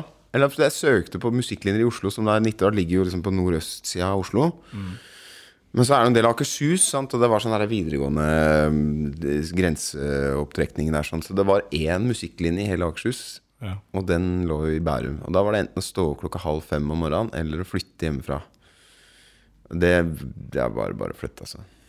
Ja. Jeg var i praksis eh, myndig fra jeg var 14, så det var greit. Nei, men uh, hvordan var det? Hva slags uh, type Hva var hovedfokuset på musikklinja der? Nei, det var jo litt sånn jazz Der var det jo litt sånn jazzgreier. eh, Med det har jo en sånn et hierarkisk forhold. Alle driver jo med popmusikk, men det er jo jazzen som liksom er Eller var. Sånn er det ikke nødvendigvis lenger. Men det var det som var Det som har vært å drive med. da. Ja. Eh, Men, det- men det hørte For en jeg gitarist, i hvert fall. Men det hørte jeg at uh, du spilte ikke jazz da, du spilte Megadeth, mens uh, Fridtjof Nelson spaserte inn i, i lokalet. Ja, men jeg hadde så, jeg hadde så kick på den uh, Symphony for Destruction. Å, ja, ja, ja, den, den skiva der. Symphony, mener jeg. Ja. Uh, Og da dere møttes første gang, eller? ja, det tror jeg vi gikk jo i samme klasse, da. Ja. Så vi, vi møttes vel før det, men, men fikk bonda vel over eh, Bonda vel over Dave Mustaine, tenker jeg. men Og så er det en liten Ja, unnskyld. Nei, det var jo Jeg synes det var først og fremst så var det et kjempekick å begynne der. Fordi at i Nittedal så det var jo fint å vokse opp der, men som en som drev med, med musikk akkurat der jeg bodde, i hvert fall, var en ganske ensom svale. Så det å komme inn i et miljø hvor, eh, hvor alle dreiv med det og så hverandres verdi Eller jeg følte at verdien min i Jeg blei satt pris på og respektert på en helt annen måte da enn jeg var vant til. Så det hadde en sånn selvtillitsboost de luxe, altså. Å begynne der. Ja, men du, du snakker om selvtillit. I stad sa du at du var litt eh, beskjeden, eller kunne være det. Eh, fortell litt om hvordan du fikk vokalistjobben i Explicit Lyrics, da. Ja. Jeg veit ikke. Paradokset Jeg vet- Jo, for det første så tror jeg det er forskjell på å være beskjeden og være sjenert. Ja, få høre. Men Altså, mm, jeg tror jeg er eh, ikke nødvendigvis beskjeden, Nei. men jeg er sjenert. Jeg, eh, jeg tror ikke jeg er så beskjeden. Jeg er veldig klar over egen verdi, på sett og vis. Eh, og det kan jeg si i settinger som jeg er trygg. Men jeg er sjenert. Jeg har ikke lyst til å Jeg syns f.eks. det der å stelle seg opp og spille i Det å spille for folk som ikke har eksplisitt sagt at de vil høre, at, høre den lyden jeg lager, ved å f.eks. kjøpe en billett, da. Ja. Stelle seg på gata, f.eks. Eller på nachspiel. Her sliter jeg med. Ja. Jeg sliter max med det. Uh, men eh, det, det kommer seg, altså. Ja. Men jeg tror jo um, Hva var spørsmålet ditt? Spørsmålet var jo hvordan du fikk eh, Vokalistjobben? vokalistjobben i Explicit Lyrics. For Nei, det- var en annen som sang der. Det var, det var, det var Fridtjof som sang der. Vi hadde en uh, Vi hadde en sånn tur til butikken i Storfri. Hvor, hvor jeg hadde hørt det bandet. Jeg syntes det var et drittøft band. da Og så snakka jeg litt med han, og så lurte jeg litt på hvordan han syntes det var å synge og spille samtidig. Nei, det er vanskelig, ass. Får jeg prøve, eller? ja, vil du det? Ja. Så det var egentlig bare sånn Jeg, jeg rett og slett spurte om jeg kunne få prøve. Ja. Og så blei det, så ble det band. Og vi blei jo ordentlig sånn sjelevenner, altså. Brødre. Ja. Det er vi jo fortsatt. Vi ser hverandre ikke så mye lenger. Nei, men dere har, dere har det samme forholdet. Ja. Nei, det, det, det som jeg hørte der, var at du hadde sagt at jeg tror jeg kan synge det bedre, eller noe sånt. Ja, sa jeg det? Det er kanskje hans opplevelse. Jeg, jeg opplevde vel mer som at jeg hadde lyst til å Jeg opplevde ganske mange settinger som jeg eh, Jeg tror med det bandet der så følte jeg at det var litt sånn med bass etter hvert. Da vi, da vi starta det som blei til Span, så hadde vi med Nicolai Eilertsen først. Som slutta for å begynne i Big Bang. Og jeg følte at jeg blei så sur da. For jeg tenkte, faen, det, det er, han spiller sånn bass som jeg syns at bass skal spilles. Og så da tenkte jeg liksom vet du, Da uh, veit ikke om så mange andre som gjør det, så da får jeg faen meg lære meg det sjæl. Dette kan jeg gjøre bedre sjæl. Og jeg hadde sånn med mange Det var derfor jeg begynte å synge i, i utgangspunktet. Fordi at jeg alltid sett på meg sjøl som en gitarist, først og fremst. Ja. Så, så det var sånn jeg begynte å synge, for jeg hadde så mange tanker om at dette her burde gjøres sånn og sånn og sånn, og det burde synges sånn og sånn. Og til slutt så blir det sånn Ikke nødvendigvis fordi jeg tror jeg kan det bedre sjøl, men jeg vet, jeg har i hvert fall en tanke om hvordan det burde gjøres. Og da burde jeg gjøre det sjøl. Så det er mer det. Jeg, jeg tenkte ikke at det, dette her kan jeg gjøre mye bedre enn Fridtjof Fast. Det var, det var ikke sånn det det var ment, i hvert fall. Men så eh, ga dere ut eh, tre album, eller? Nei, jeg To? tror det var en, en EP og bare ett album, tror jeg, før Explicit Lyrics gikk i bakken. Og så var det Span som ga ut vel to, to album og noen EP-er innimellom der. Span ble jo ble svære eh, i Norge. Eh, dere var i England. Eh, hvordan var det for eh, unge gutter å, å flytte dit? Det var fint, det. Ja. Dritkult. Jeg syns det var um... Hvor i England var dere? Jeg bodde i London i Altså Først så var det et år hvor vi bodde liksom på samme hotellet oppe i Camden. Eh, og du tenkte liksom at nå er vi her så mye, skal vi ikke like gjerne bare kline til å flytte dit, da?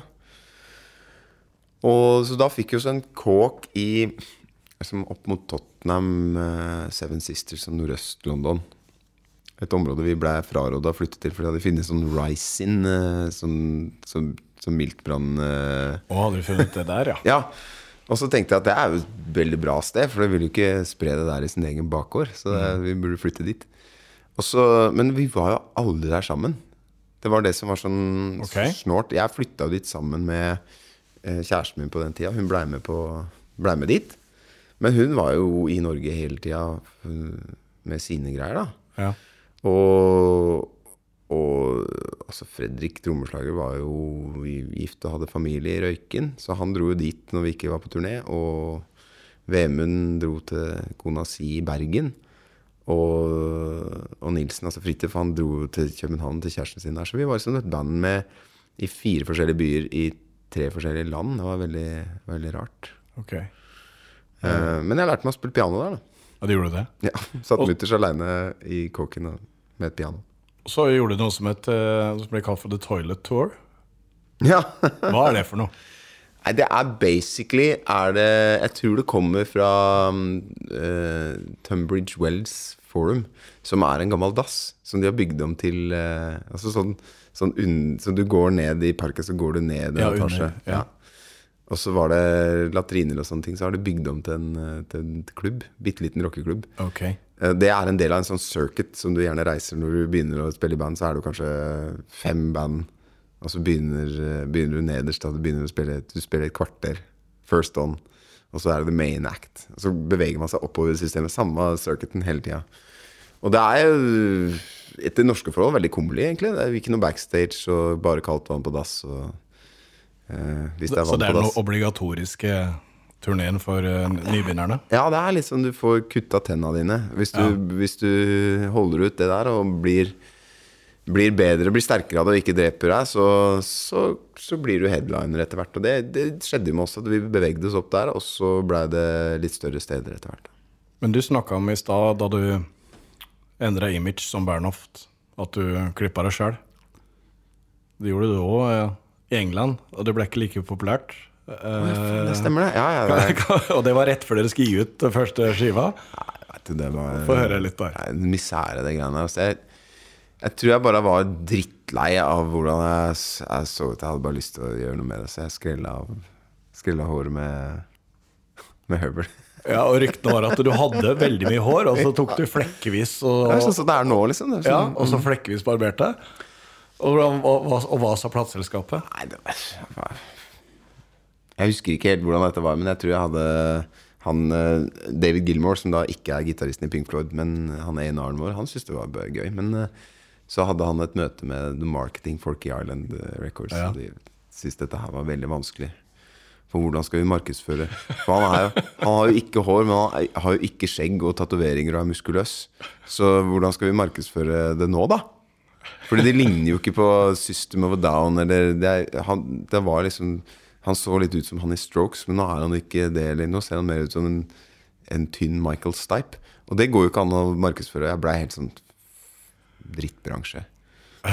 Men da, da utsatte de med utgivelsen din, tror de ikke det? Jo. På grunn av dette? Eh, Det var nok andre grunner også, Ja. tror jeg. Men eh, det var nok eh, min lemfeldige omgang med egen manke.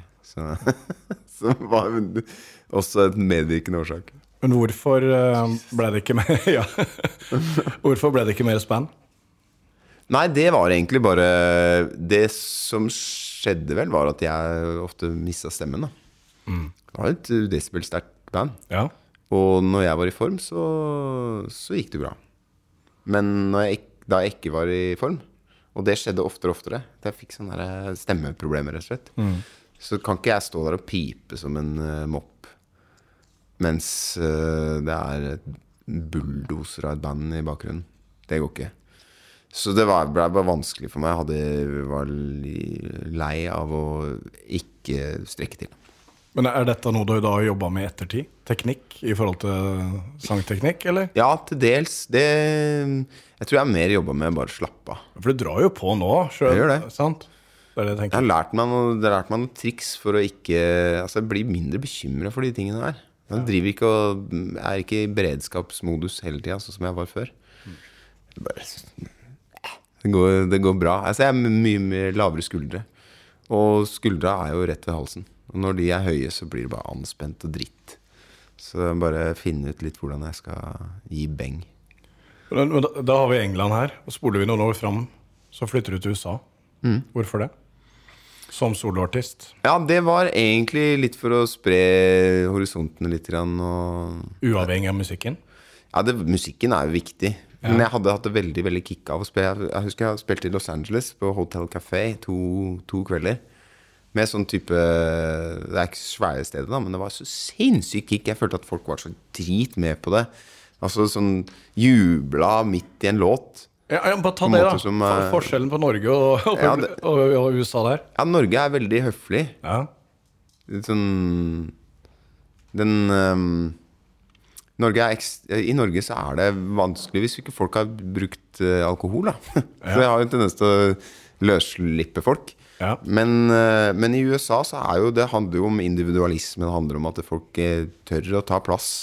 Janteloven eksisterer jo ikke. Så hvis folk digger noe du gjør på en konsert, så, så sier de De brøler til deg. da Og det var så kick da jeg kom dit og gjorde de greiene mine. Så jeg var liksom skjelven på hvordan Er dette jeg driver med bra til å være norsk, eller Og så får du liksom en sånn Du setter i gang, og så blir folk litt Yeah! Fuck yeah! Og så, Sing it, dude! Og så ser jeg som øh, folk som jeg mm, Jeg ble, satt, ble satt ut til å begynne med? jeg ble ikke negativt satt ut, men Nei, jeg ble sånn Wow, dette Ja. var dritkick. Og så spilte jeg de to konsertene, og jeg følte meg som kongen på alle hauger. Og så kom jeg hjem og spiller en sånn eh, en sånn eventjobb, da. For noen folk på, på Rockefeller. Jeg husker ikke hvilket selskap det var, men jeg spiller akkurat det samme som jeg har gjort i, på, i Los Angeles. Der folk er apeshit bananas, liksom. For det jeg holder på med. Og så kommer jeg til Rockefeller og spiller de samme låtene, og så står folk på første rad med ryggen til og kanapeer og, og drinker og sånn. Jeg tenkte Jeez, så demotiverende. Så da kom jeg hjem og bare sånn til Lisa det, Skal vi flytte til USA, eller? og hun var bare Det gjør vi. Så det var, var litt sånn fordi at vi kunne. Samuel var tre år. Han eh, er med på ting. Uh, har ikke skole som han må gå på. Barnehager fins der òg. Så Og ekstremt uh, viktig tid, da, i forhold til tankegangen min rundt eh, rasisme, f.eks. Mm. Del, det var jo Black Lives Matter-bevegelsen ble på en måte født ut av hendelser i New York i akkurat den tida her. Og tidligere, for så vidt. Men det ble utløst av en del sånne ting. Så jeg synes det er veldig viktig for meg for å løfte horisonten. Men det var musikalsk også. Ja, men, men, men som mennesker, det å ha vært i, i England, andre kulturer der òg, vært Mm. i New York, det du snakker om nå eh, Hva slags perspektiv gir det deg på Norge, hvordan vi har det der? Har du har du tenkt, tenkt noe rundt det? Masse. Ja, for eksempel? Nei, altså mm, For eksempel når det kommer dette med Dette med det kommer til dette med janteloven, da, som veldig mange artister i Norge snakker om at de hater og sånne ting. Jeg gjør jo ikke det. Jeg liker jo janteloven, for jeg ser på det som en helt naturlig følge av et, en, lik, en likhetstankegang. Som jeg syns er bra, da. Jeg synes den derre mm, det som er fint med USA, som jeg snakker om det her med individene har, tar naturlig større plass, og mener de fortjener en plass, som jeg syns er digg på noen måte, men det har også en skyggeside av en ekstrem forskjells... Et samfunn med ekstreme forskjeller. Og det har vi jo ikke i Norge, tross alt. Det med å ha et offentlig helsevesen, offentlig utdanningssystem, som jeg syns er et gode for et samfunn å ha, det har også noen eh, Medaljen der har en bakside da, som gjør at folk blir kanskje litt mer sånn timid. Blir, har vanskelig for å, for å ta plass når de er en del av et publikum i Ja. en konsertsal, f.eks. Ja. Så det er noen pros and cons. eh, men jeg, jeg har jo sett noen, noen skyggesider av samfunnet i både England og USA som jeg er veldig glad for at vi ikke har her. Men sånn som den, jeg påstår i hvert fall sånn som den polariseringa vi ser i USA nå, så du det tendenser til det da? Ja. Du, du bodde der i 14, eller? 15? Og når var dette her, da? Jeg tror Ja, det var 14-15. Ja. Rundt der. Det stemmer.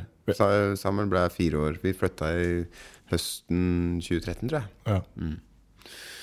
Um, Du snakka om Black Lives Matter der, og så, sånn som jeg ser det nå, når det er min mening, da, så føler jeg at istedenfor at det har blitt knytta mer sammen, så det- står det litt steile mot hverandre noen steder i USA. generelt sett så har vel ikke folk, uh, verken her eller der Vi blir jo ikke bedre til å prate sammen. Nei. Jeg, jeg har jo masse, får jo masse igjen av å prate med folk som ikke er enig med meg. Sant? Um, jeg tror det er veldig mange som ikke syns det er noe viktig. Altså Man canceler den Cancel culture-greia handler jo om at man ikke vil Man vil bare stenge ute folk som mener noe annet. Man syns at, det, at eh, det er veldig fort gjort, føler jeg, da, å label noen som ekstremistisk eller har ekstreme synspunkter og ergo ikke er verdt å lytte til. Um, men det fører jo bare til mer skyttergravstankegang.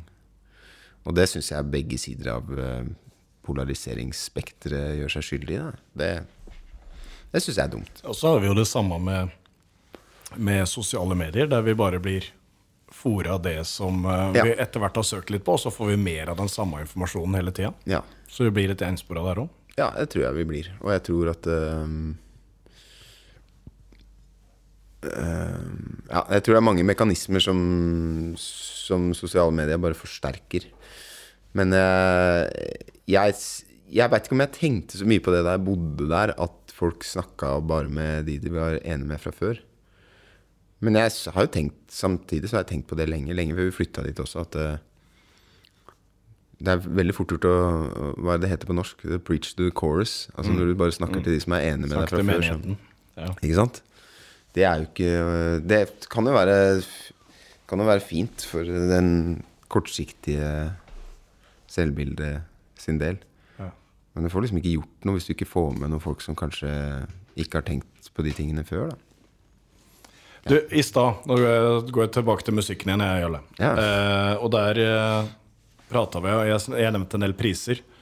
Men du har også vært nominert til en Grammy i 2015 for plater gå etter 2014. Men du var den første ikke-amerikanske som var nominert i R&B-klassen.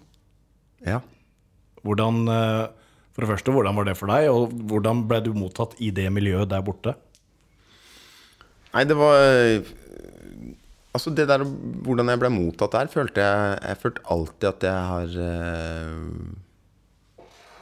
Det har vært veldig utrolig fint at jeg kommer dit til, til kolleger av meg som Sånn Altså svarte kolleger av meg som jeg føler bare har akseptert meg. Og det har vært utrolig fint, for det kan fort bli litt sånn at man kjenner seg litt sånn Pusker jeg i faget og kommer hvit og, hvit og nordmann og skal liksom tro, tro at jeg kan noe. Men det har vært bare jeg føler at det bare har vært klapp på skulderen. Men det var en sånn snål grei, fordi at jeg tenkte litt Hvis jeg fikk denne prisen Hvis jeg hadde fått den, så hadde det blitt et helt annet game.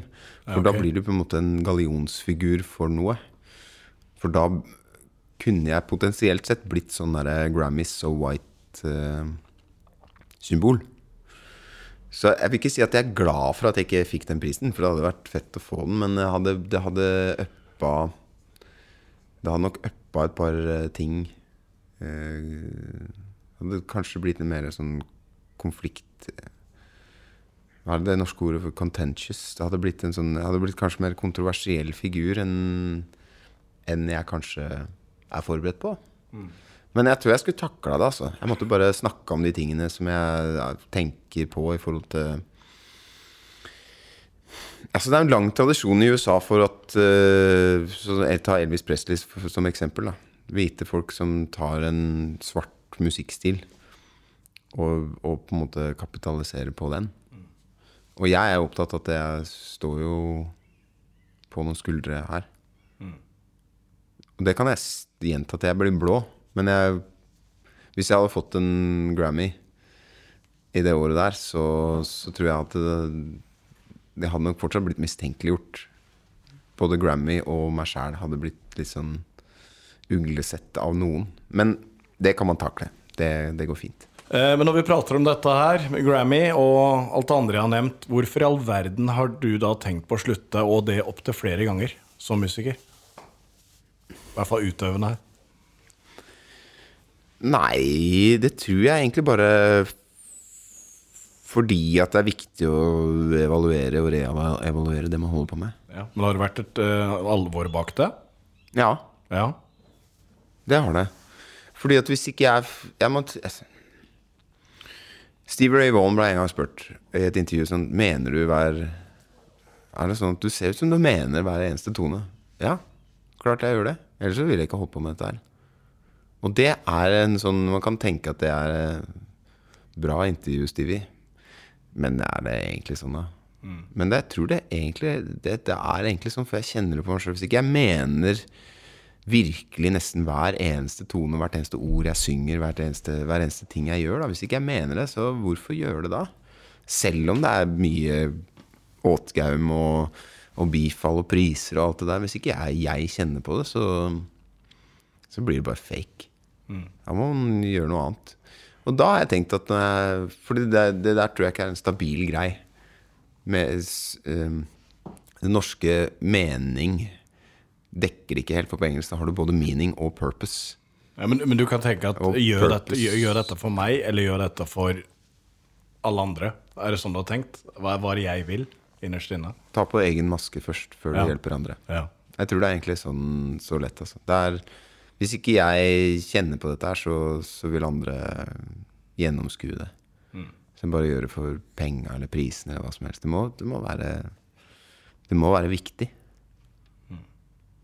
Hva, hva kunne du ha jobba som hvis ikke du um, drev med musikk? Jeg aner ikke. Jeg er egentlig en latsekk, så jeg aner ikke hva jeg skulle gjort. Har du noe i bagasjen eh, fra, fra skole fra før? Altså noe eh, Nei. universitet eller noe sånt Nå? Nei, jeg har ikke papir på noe som helst. Jeg har Nei. artium, liksom. Så da, du, er, du har starta, men ikke, ikke fullført?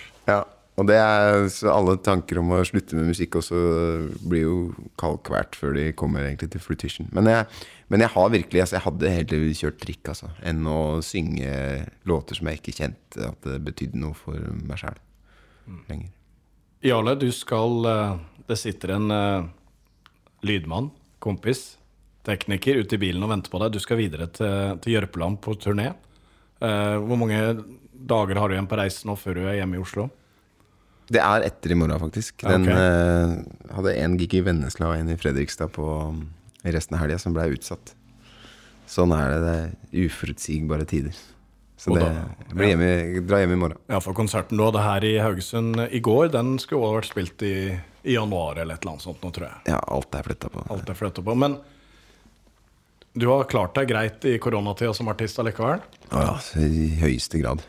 Ja, ja, jeg har, tror jeg har tjent på det til og med. Jeg har spilt mye mer i fjor enn jeg hadde planlagt. Ja. Og det på grunn av, tror du, ikke bare at du er dyktig, men at du er eh, Ja, enkel, og, enkel å flytte rundt. Ja, ja, ja men det Rett og slett én Ja. kassegitar og én mic. Du, du får liksom ikke Det blir ikke så mye enklere enn det. Bernhoft, Jarle Bernhoft, det har vært uh, utrolig hyggelig Takk skal du ha. Uh, å ha deg på besøk, Og og få oppleve deg live i går. Uh, vi gleder oss til skive. Kommer i september. Mm. Og så får du lykke til på veien i mellomtida. Takker og bukker.